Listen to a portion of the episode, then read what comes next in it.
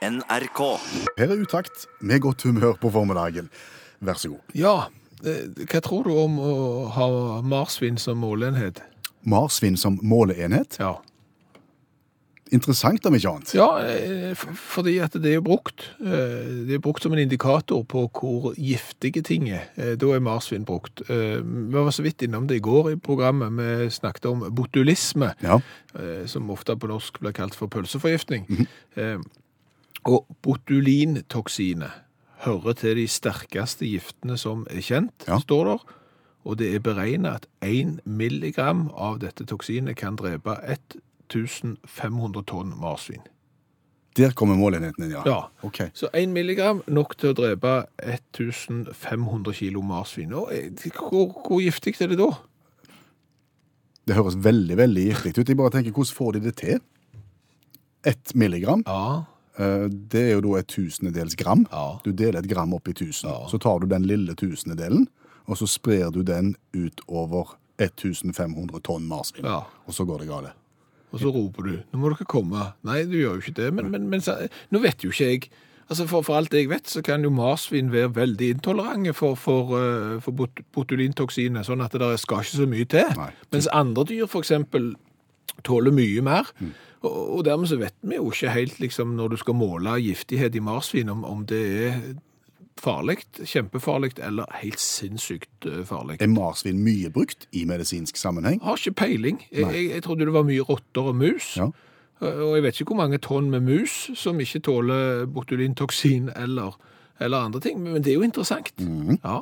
For, for vi skal ikke bare svartmale heller her, altså. Nei? Nei, men jeg, jeg tror det kunne vært fordeler òg med å begynne å, å ta i bruk eh, alternative måleenheter, som f.eks. marsvin. Ok. På hvilke områder skulle vi da brukt marsvin? Nei, men du vet det at Hvis du spør folk om hva de veier Ja. sant? Det er ikke alle som syns det er greit. Noen eh, er litt flaue fordi de syns de veier for lite. Eh, mange syns det er litt flaut å snakke om vekt fordi de veier for mye. Og Hvis vi hadde innført da f.eks. den litt vage målenheten marsvin I forbindelse med vekt? Ja. Hvor, hvor tung er du? Jeg, vil tippe jeg veier 180 marsvin. Så blir det litt mer sånn skoie og avvæpnende, tenker du? Ja, ja. Ja. Eh, Så kan du si at det høres gjerne mye ut å, å veie 180 marsvin, men, men du vil heller veie 180 marsvin, tror jeg, enn eksempel en kvart elefant. Det er helt sikkert. Uten at jeg vet hvor mye en kvart elefant veier. Jeg er jeg er heller ikke 100% sikker på hvor mye 180 marsvin veier, men, men det, det er jo en interessant Det kunne tatt litt brodden av den her eh, slankehysteriet, vektpresset for, for de unge i skolen og Du sånn. kunne jo eh, lagt VG-overskrifter med 'få sommerkroppen ned 30 marsvin på bare 14 dager'. Ja, du kunne det. Så de er opptatt av sånn vektklubb i VG. Sånn, Hilde gikk ned 40 marsvin på to måneder. Her er hennes resept. Det er noen andre dyr du kunne tenkt deg å måle ting i? så? Hamster. Hamster. Nei, bare, bare, det bare datt ut av meg. De er mindre enn marsvin. Nei, vi holder oss til marsvin. Ha hamster kan du få i støvsugeren. Ja, det er ikke bra. Ikke det hele tatt. Da får du en litt løyen lyd i motoren i den sentralstøvsugeren, og så blir det stilt. Det vil du ikke oppleve. Det, det har faktisk skjedd. Og klart, Hadde du målt ting i marsvin, da, så hadde du sluppet det, for marsvin er mye større. De går ikke i støvsugeren. Men- Kunne du målt lengde i marsvin? Nå har du vært innom vekt. Ja, ja det, det, det, det er veldig godt innspill, fordi at det, eh, sånn som det er nå, så er jo liksom det metriske systemet, det er jo det som de aller fleste i, i verden synes er greit å forholde seg til, med meter, centimeter og millimeter og sånn. Og så er det jo engelskmenn og, og amerikanere, de, de, selv om de er med, så er de jo ikke med. Nei, du er på en engelsk mil og 1609 og, og, og sånne ting. Så det er klart at hvis det hadde hjulpet å introdusere eksempel marsvin Ja. som målenhet, og så gjerne fått, at det kunne vært en inngang for å få amerikanerne og engelskmennene på banen. Det er klart at jeg tenkte jeg, den løpsøvelsen, 360 marsvin hekk. det, der, er, der er potensial. Yes. Det er det.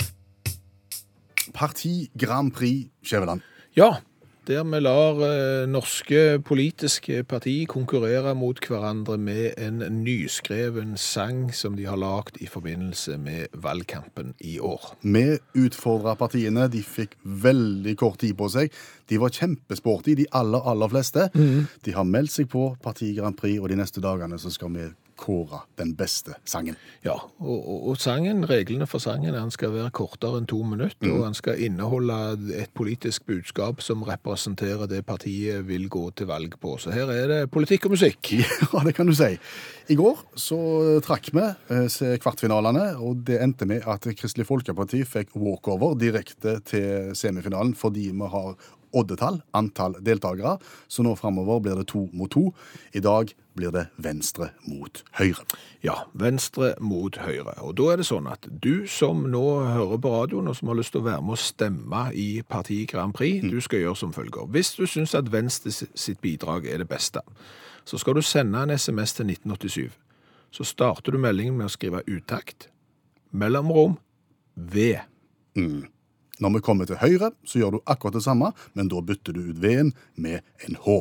1987 starter meldingen med å skrive utakt, et mellomrom og H for Høyre. Da har du stemt på dine respektive sanger.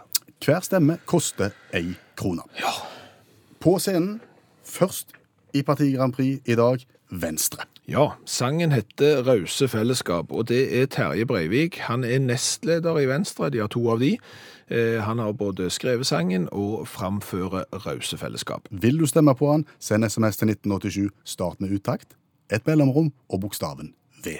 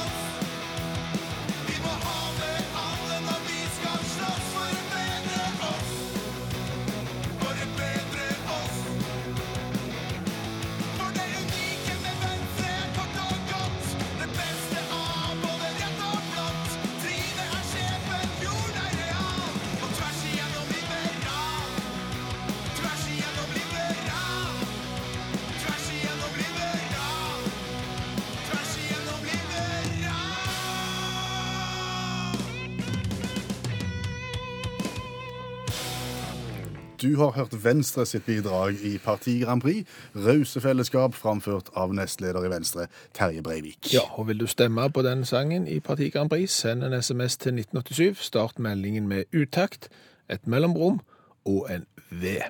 Vi går videre til neste utfordrer i dag, som er partiet Høyre. Ja, de stiller med sangen Vi tror på Norge, og det er Maria Sanner, generalsekretær i Unge Høyre, og Tor Arne Englund, han er ansatt i stortingsgruppa til Høyre, som har lagt denne sangen, og det er Maria Sanner som synger Vi tror på Norge. Vil du stemme på Høyre sitt bidrag? SMS til 1987, start meldingen med utakt, mellomrom H. Om du er gammel eller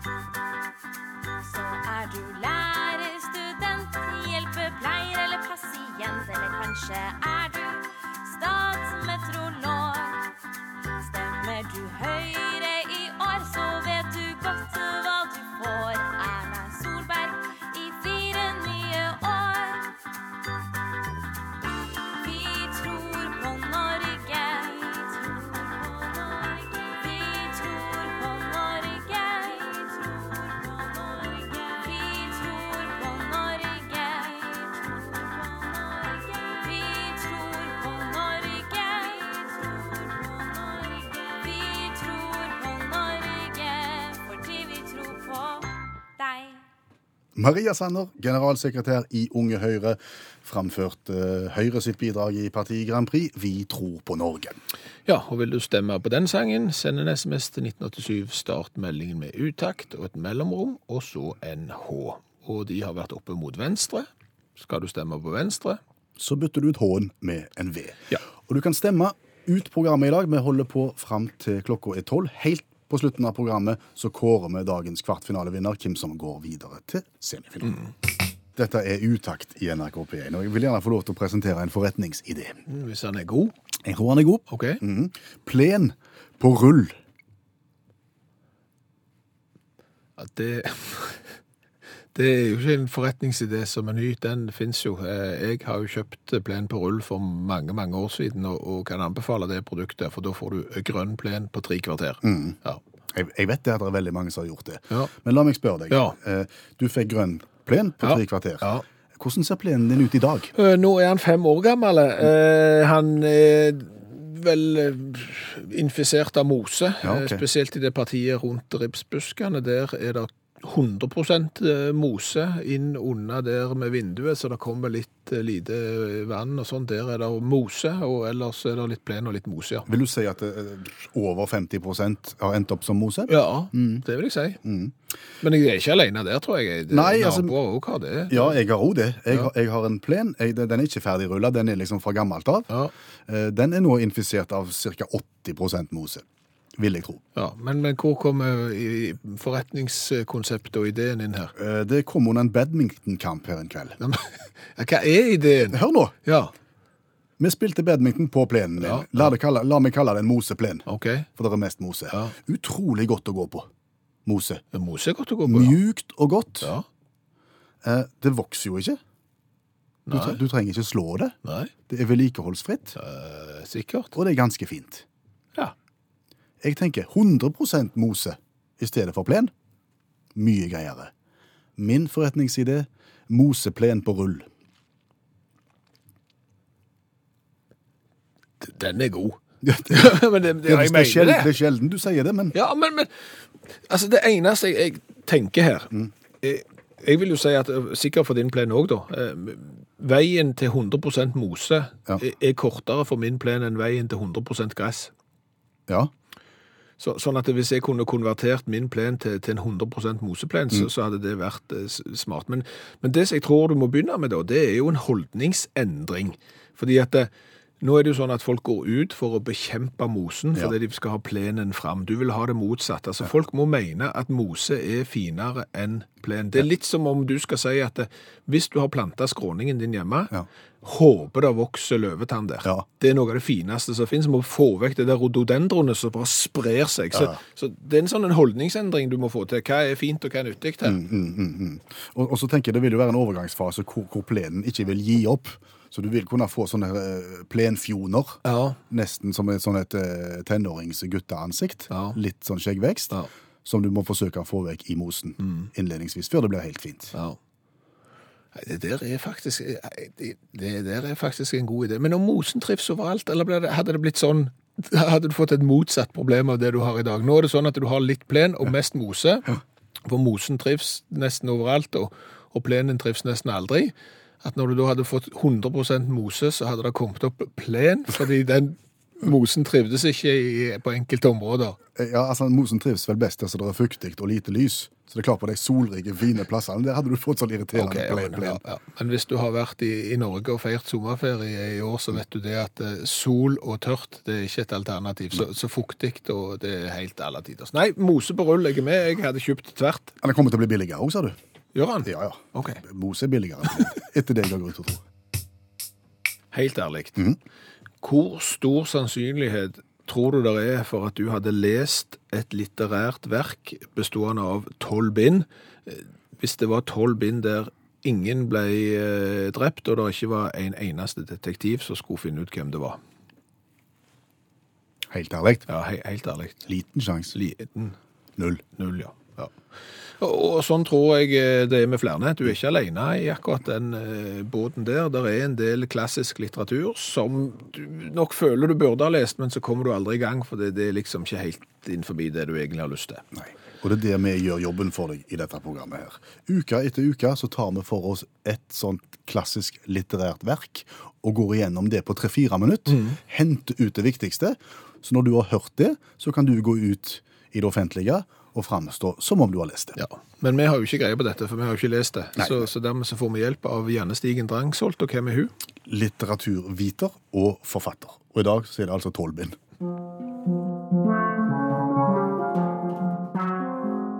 Marcel Prousts På sporet av den tapte tid 1913 til 1927.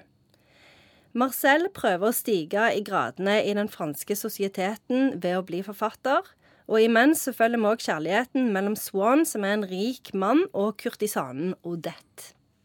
Nå ble jeg litt satt ut her, for du, men nå snakker vi om ei bok på, på sporet av den tapte tid, og så, og så har forfatteren brukt eh, 14 år på å skrive den boka. Ja, for det at vi snakker ikke bare om ei bok, vi snakker om tolv bøker her. 12? Mm. Om samme ting. om samme ting. Det Prost egentlig prøver å snakke om, det er Han prøver å formidle opplevelsen av tid. Sånn at det, han Ja, men prøver det har han jo klart, hvis han har brukt 14 år på det.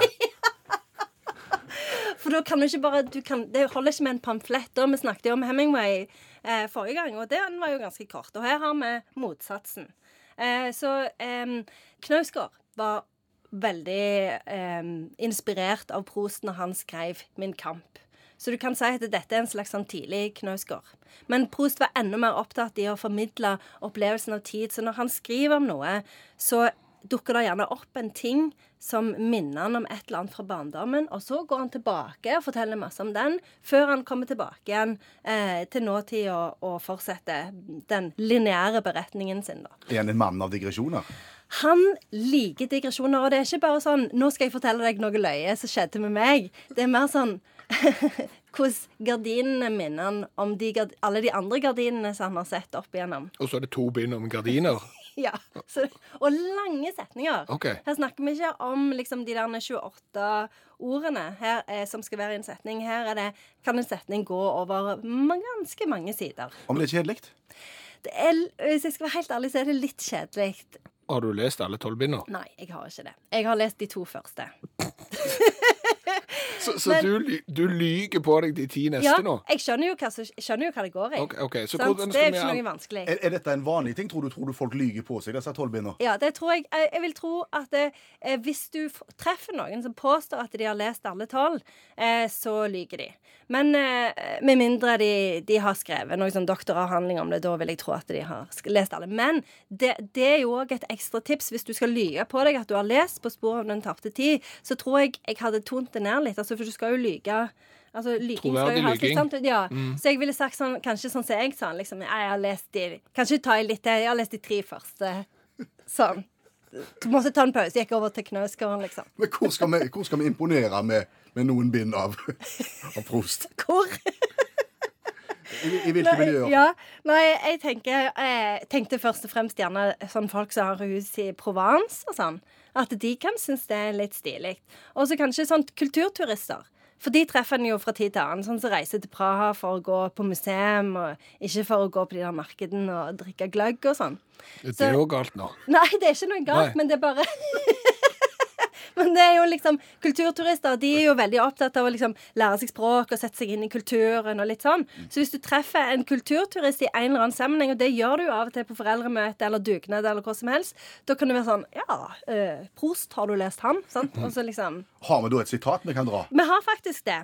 Eh, Åpningssetningen. Det kan jo ofte være nyttig til å sette i gang en samtale om litteratur. Og, og i Prost eh, sin eh, På sporet av den tapte tid, så er det Lenge gikk jeg tidlig til sengs.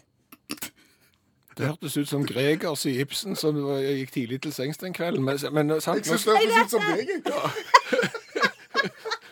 Og så er det jo litt sånn tennis òg, så du kan jo det er Ja, litt sånn ja, Ja. over det. så hvis jeg skal oppsummere tolv bind og, og framstå troverdig i selskapslivet, så er det liksom ja, Det handler jo om eh, Marcel Proust sjøl, egentlig, og jakten på kjærligheten.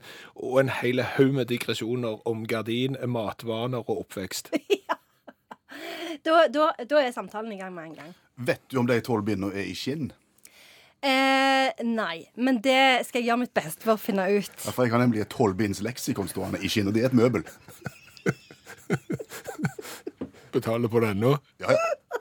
Tusen takk, prisvinnende formidler, litteraturviter og forfatter Janne Stigen Drangsholt. Hva har vi lært i dag sånn ellers i programmet? Har lært veldig mye, absolutt. Eh, Vi har annet lært at hamstere som måleenhet eh, kan være en god idé. Hamster. Gjerne, hamster er gjerne blitt brukt for å indikere hvor giftig eh, noe, et, et toksin, OK, du tenker marsvin. ja, hva jeg sa? Hamster. Hamster, ja, ok, marsvin var det jeg mente. Mm. eh, og da er det jo sånn at eh, 1 milligram av verdens kanskje giftigste toksin er nok til å ta livet av 1500 tonn eh, marsvin. Og dermed har du marsvin som måleenhet. Og kanskje vi kunne hatt det òg på vekt. Jeg veier ca. 180 marsvin. Høres litt sånn avvæpnende ut, på en måte. Ja, Ja. absolutt.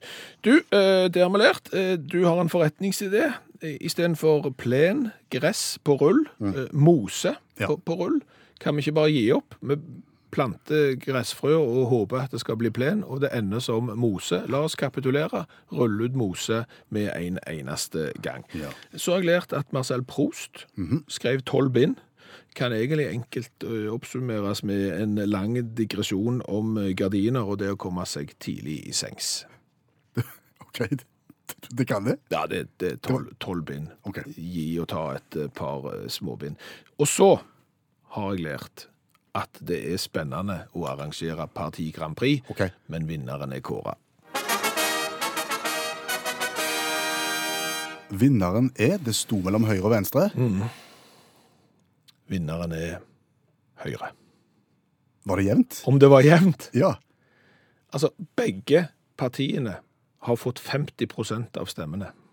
Altså, de har fått halvparten hver av stemmene, nesten. Altså, vi må, må inn og fintelle for å se 50-50. Det skiller åtte stemmer i favør Høyre. Gratulerer, Høyre. Dere er videre til semifinalen. Med minst mulig margin med sangen Vi tror på Norge.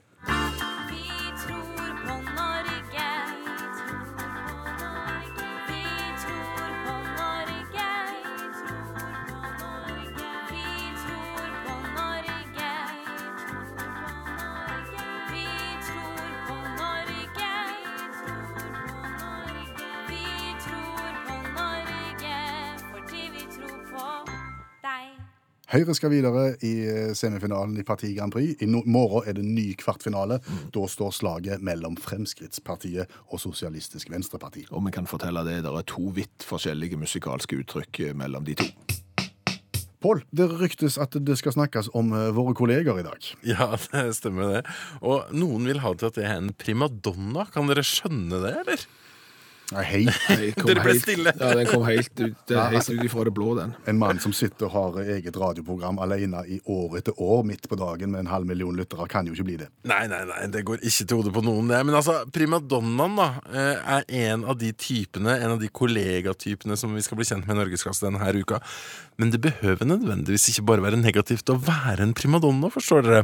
En primadonna er også nemlig veldig ærekjær og veldig ivrig etter å få et bra resultat.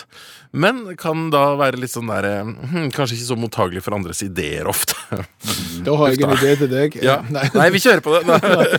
Nei. Men det er mange typer, forskjellige typer på Ja. Altså, noen av de mest irriterende er jo kanskje den der han, eh, Alt er umulig med mindre jeg strekker meg til det ytterste. Da er det mulig vi får det til, men jeg er ikke bombesikker. Det er en av de vi ikke liker. Og så har du den, den der med tilsynelatende ja-folk som er nei-folk. Ja, for at eh, han som kommer til oss i dag og forteller om de her kollegatypene, han lister opp eh, hverdagshelten, eh, skrytepaven, den introverte, eller kanskje det verste, den som bare er en lønnsmottaker.